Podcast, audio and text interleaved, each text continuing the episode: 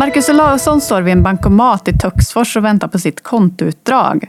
När han vänder sig om står han öga mot öga med en rånare som siktar på honom med automatvapen. Han var ju maskerad för ansiktet. Inte helt, men delvis i alla fall.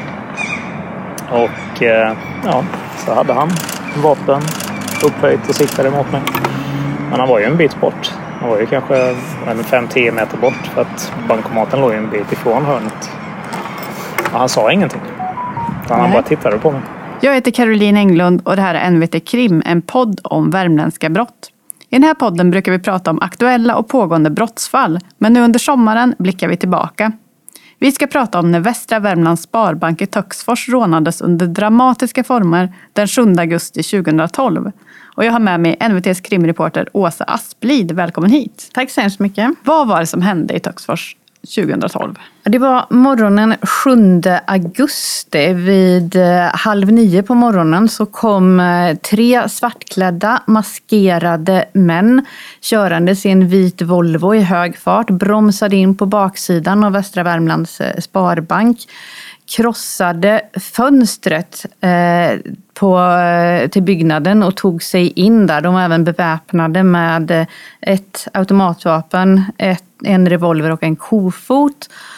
Och eh, gick in, hotade personalen och började råna banken. Och många personer blev såklart vittnen till det här och många mår fortfarande dåligt fast det har gått nästan tio år. Eh, och eh, du träffade Marcus som blev vittne till rånet. Vad gjorde han vid banken vid den här morgonen? Ja, jag, jag träffade Marcus Olausson i hans eh, nya hem i Göteborg här tidigare i, i sommar. Och han, vid den tidpunkten så var han anställd i en hälsokostbutik i Töcksfors köpcentrum. Han bodde själv i Årgäng. Och det gick, så, det gick så få bussar mellan Årgäng och Töcksfors så han var tvungen att ta bussen som gick klockan åtta på morgonen från Årgäng. Kom till Töcksfors ja, strax innan halv nio men började inte jobba förrän klockan tio. Så han eh, strosade runt lite grann i samhället och eh, dödade tid helt enkelt för, i, i väntan på att arbetsdagen skulle börja. Så då kom han på tanken att han, eh, jag går till banken och, och tar ut ett eh, kontoutdrag för att se hur mycket pengar jag har på kontot. Och han gick dit och kikade lite grann på de här eh, bostadsannonserna som hänger i bankens fönster. Såg ingenting konstigt alls. Började knappa in sina saker och, och medan han väntade på att det här kontoutdraget skulle, skulle komma ut så, så vred han på huvudet och då står han i stort sett öga mot öga med, med en av de här rånarna. För det var en av dem som höll vakt utanför banken. Och eh, rånaren lyfte automatvapnet mot honom och siktade rakt på Marcus. Och vi ska höra vad han tänkte när det här hände. Först tänkte jag där, varför har man en eh, ett paintballgevär eh, mitt i, eh, mitt i byn? Är det någon övning nu eller något? Folk som är ute och leker. Men eh, sen tänkte jag, ja, men det kan ju vara allvarligt. Så eh, då, min enda tanke var, jag, jag får väl, är det jag som blir rånad eller? Så jag tog plånboken och sträckte den mot honom. Så. Och då skakade han bara på huvudet och så pekade han med vapnet åt sidan och så sa han gå. Och det gjorde jag. Och sen gick han alltså sakta därifrån och vi ska höra eh, vad han tänkte då. Den enda tanken jag hade de, när jag var, gick mot jobbet, det var titta inte bakåt för du kan bli skjuten i ryggen. Eller då skjuter han kanske. Så jag vågade inte vända mig om på 500 meter. Utan jag bara gick. Jag vågade inte plocka upp telefonen, ingenting. Så Marcus gick alltså mot jobbet och vågade inte vända sig om. Vad gjorde rånarna då? Ja, rånet fortsatte ju inne, inne i banken helt enkelt. Den här, eh, de, de befann sig där inne i ungefär 22 minuter. Det var, det var ett ganska brutalt rån. De eh, drog med sig en av eh, kassörskorna ut ur eh, banken under en kort tid under, och tryckt upp henne mot en vägg under vapenhot. Samtidigt sa de till hennes anställda att eh, om ni inte, inte lyckas låsa upp det här säkerhetsskåpet, för det var det som var problemet för rånarna. De kom åt en massa mynt och mindre summor eh, kontanter som låg öppet på banken. Men de stora beloppen låg ju inlåsta i, ett, eh, i en safe. Och det här säkerhetsskåpet var låst med, med ett automatiskt tidlås. Eh, jag vet inte riktigt hur det fungerar men, men det var någonting. Du är tvungen att trycka in en kod och sedan så är du tvungen att vänta i tio minuter. Um, de fick inte upp det här. Så att de gjorde två försök och stod och väntade i tio minuter och funkade inte. Tryckte in igen, väntade i tio minuter igen, funkade inte. Och det var under denna period som, som en av de anställda då blev mer eller mindre tagen gisslan. Och hon fruktade väl för att de skulle ta med sig henne därifrån men, men det hände inte. Det här rånet har ju satt spår hos många i Töcksfors. Vi ska höra lite om hur Marcus mådde resten av dagen. Där är det faktiskt svart. Det minns jag inte. Men det är mycket av det där som när det bara hela dagen var bara en stor adrenalinkick efter det. Så det var inte... Det var jättesvårt att komma ner i varv. Så jag gick ju bara runt och skakade hela dagen. Men blev du rädd efteråt så här? Um, inte inte efteråt. Då var ju situationen över. Så. Men adrenalinet låg kvar hela dagen. Så det var... Och, eh, alltså, det var en av anledningarna, kanske den största anledningen till att jag valde att flytta till Göteborg. Mm. För jag tänkte om det kan hända här så kan det hända var som helst. Så kan lika bra bo i en större stad. Ja, han valde alltså att flytta till Göteborg efter det här. Men har du pratat med några fler vittnen? Jag har ju faktiskt varit i kontakt just med den eh, kvinnliga bankanställd som var eh, hon som trycktes upp mot, eh, mot väggen av rånarna. Och hon berättade väl att hon har inte mått så där jättedåligt av det som hände. Hon har kommit över den här händelsen. Däremot har många av hennes kollegor upplevt det här som oerhört eh, traumatiskt. Och eh, av hänsyn till sina kollegor så vill inte heller den här kvinnan mm, prata öppet om det som hände där och då. Men du har ju pratat med eh, Jonny Toman, en av poliserna som utredde rånet. Eh, och vi kan ju lyssna på vad han säger om, om det här. Det var egentligen ett fult lån det här, för de tog ut en kassörska, hon som var boss på platsen där och, och tryckte upp mig mot en vägg och eh, hotade och alltihop och talade om för personalen att öppnar inte det här så mm, kan det hända någonting i princip för mm, den vi plockar ut här. Men det var ju tidlåst, det, det spelar ingen roll vad det gjorde så vi kom ju inte åt någonting den vägen. Vi fick väl som sagt var sig 100 000. Vi var ju ut där sen i IKEA-kassen som var tunga för det var ju i princip bara mynt. det var, det var inte mycket pengar. Ja, rånarna fick som sagt inte med sig så mycket pengar men de kom till eh, en början undan. Eh, och Johnny Toman han kom inte dit förrän rånet var över och så här säger han om det. Jag hade semester. Jag, och jag blev uppringd på precis någon gång efter rånet. Det hade inte, ja, det var ju precis, ja kanske i samband med rånet skedde så blev jag uppringd. Och bröt min semester och åkte till jobbet och begav mig mot Töcksfors.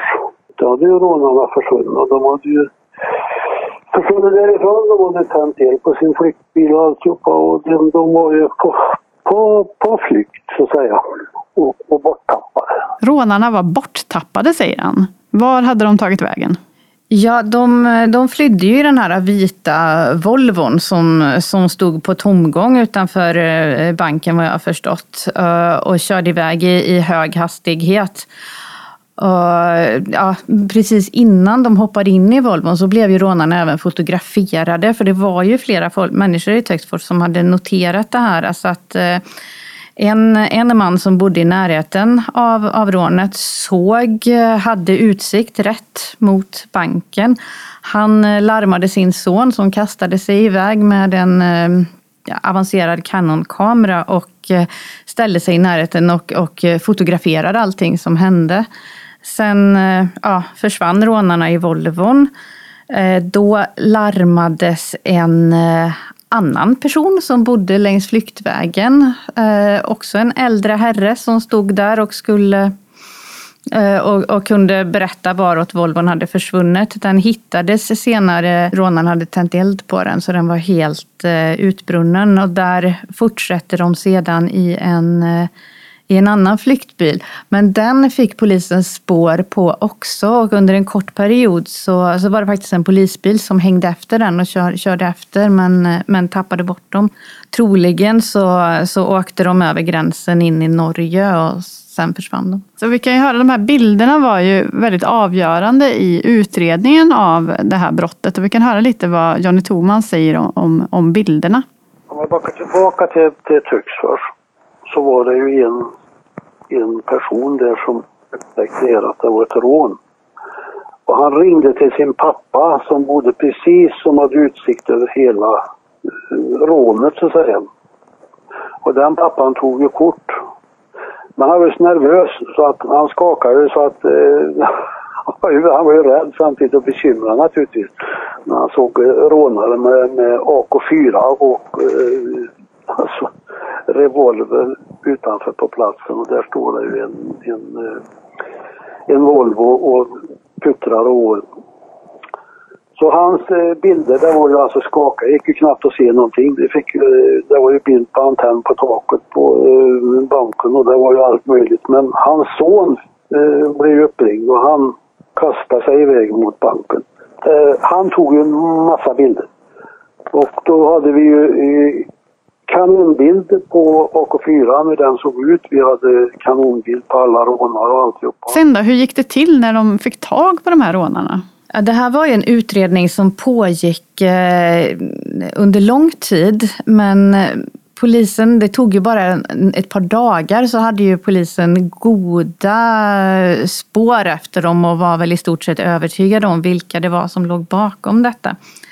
Eh, för det visade sig att eh, norsk polis eh, några veckor innan rånet i, i Töcksfors hade stoppat tre svenska män som hade betett sig väldigt märkligt runt en bank på en liten ort i Norge som heter Kirkenär som ligger utanför Kongsvinger. Och Eh, det var någon som hade larmat polisen. Polisen åkte dit, kollade och stoppade de här personerna som då mitt i natten hade rört sig runt banken och fotograferat. Och det ledde till att man även tog eh, identifierade dem då man körde dem till polisstationen och, och, och, krävde att de skulle identifiera sig. Så man hade ju namn på de här tre personerna. Och övervakningskameror som även fanns i Töcksfors kunde senare visa att eh, det som med största sannolikhet var samma män hade bara några dagar senare rekat runt banken i Töcksfors. På bilderna där kunde man även eh, se att eh, de såg ut att ha i stort sett eh, samma kläder på sig vid, vid råntillfället som vid de här rekningstillfällena. Ganska avgörande blev ett par Eh, jeans med en eh, trasig bakficka som syntes i bild på, vid alla de här tillfällena.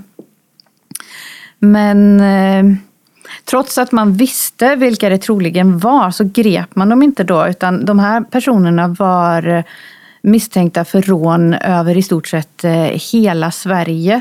Så polisen valde att sammankalla en, en särskild utredningsgrupp som hade sin bas i Stockholm och där var det en eller två poliser från varje del i landet där något av de här rånen hade inträffat. Så de var väl 16-20 personer som satt där.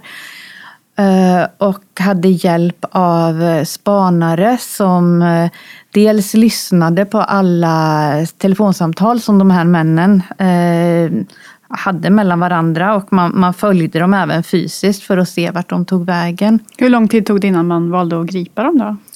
Nej, det tog eh, ja, drygt fyra månader. Det var eh, på Lucia eh, samma år, 2012, så då, då hade man sett hur eh, alla tre plus ytterligare en medhjälpare började röra sig uppåt, eh, norrut. Så, så spanare följde efter. Och då kunde man eh, följa dem till ett eh, hus i en liten ort som heter Bjurvattnet utanför Umeå. Samtidigt hade man sett att tecken som tydde på att de eh, planerade nya rån. Eh, så för att undvika att ytterligare ett bankrån skulle ske så valde man, eh, jag tror att det var Lucia-natten, att mitt i natten slå till mot den här fastigheten där de befann sig. Så rånarna låg och sov när, när polisens insatsstyrka slog in dörrarna och, och grep dem. Varför väntade man så länge som fyra månader? Jag tror att man samlade bevis mot dem helt enkelt. Eh, för eh, man ville väl ha ha ett så starkt case som möjligt när man väl eh, slog till mot dem så att man inte eh, skulle gripa dem, anhålla dem och sen skulle de släppas kort därefter.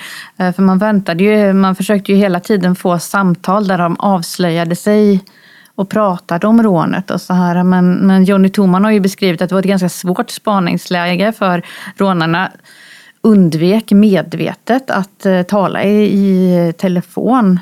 Ehm, så lite som möjligt. Och när de skulle samtala med varandra så valde de ofta att gå ut i skogen och, och föra de här samtalen. Och då, då blir det ju betydligt svårare att eh, stå och spana mot dem eh, än om de sitter vid ett kafébord mitt inne i stan. Så. Vilka var de här rånarna då? Flera av dem var, eh, var välkända utav polisen. En utav dem eh, den äldsta i sammanhanget. Han var, han var mycket välkänd eh, rånare. Eh, har hållit på med det i många år. Eh, Johnny Toman beskrev ju även att man när, efter gripandet så gjorde man husrannsakan i den här mannens lägenhet i Stockholm. Och det fanns ju, det, han sa att han hade kartor över i stort sett hela Sverige. Och själv beskrev mannen i förhör att han var väldigt intresserad av kartor och, och det var han väl säkert, eller uppenbarligen. Eh, men ja, polisen är ju övertygad om att eh, kartorna var ju till bara för att hitta lämpliga ställen att utföra bankrån på. Men vad, vad, hade någon av dem någon koppling till Värmland? Det var en person som, eh, som dömdes för medhjälp till försök till grovt rån, tror jag det var brottsrubriceringen på honom.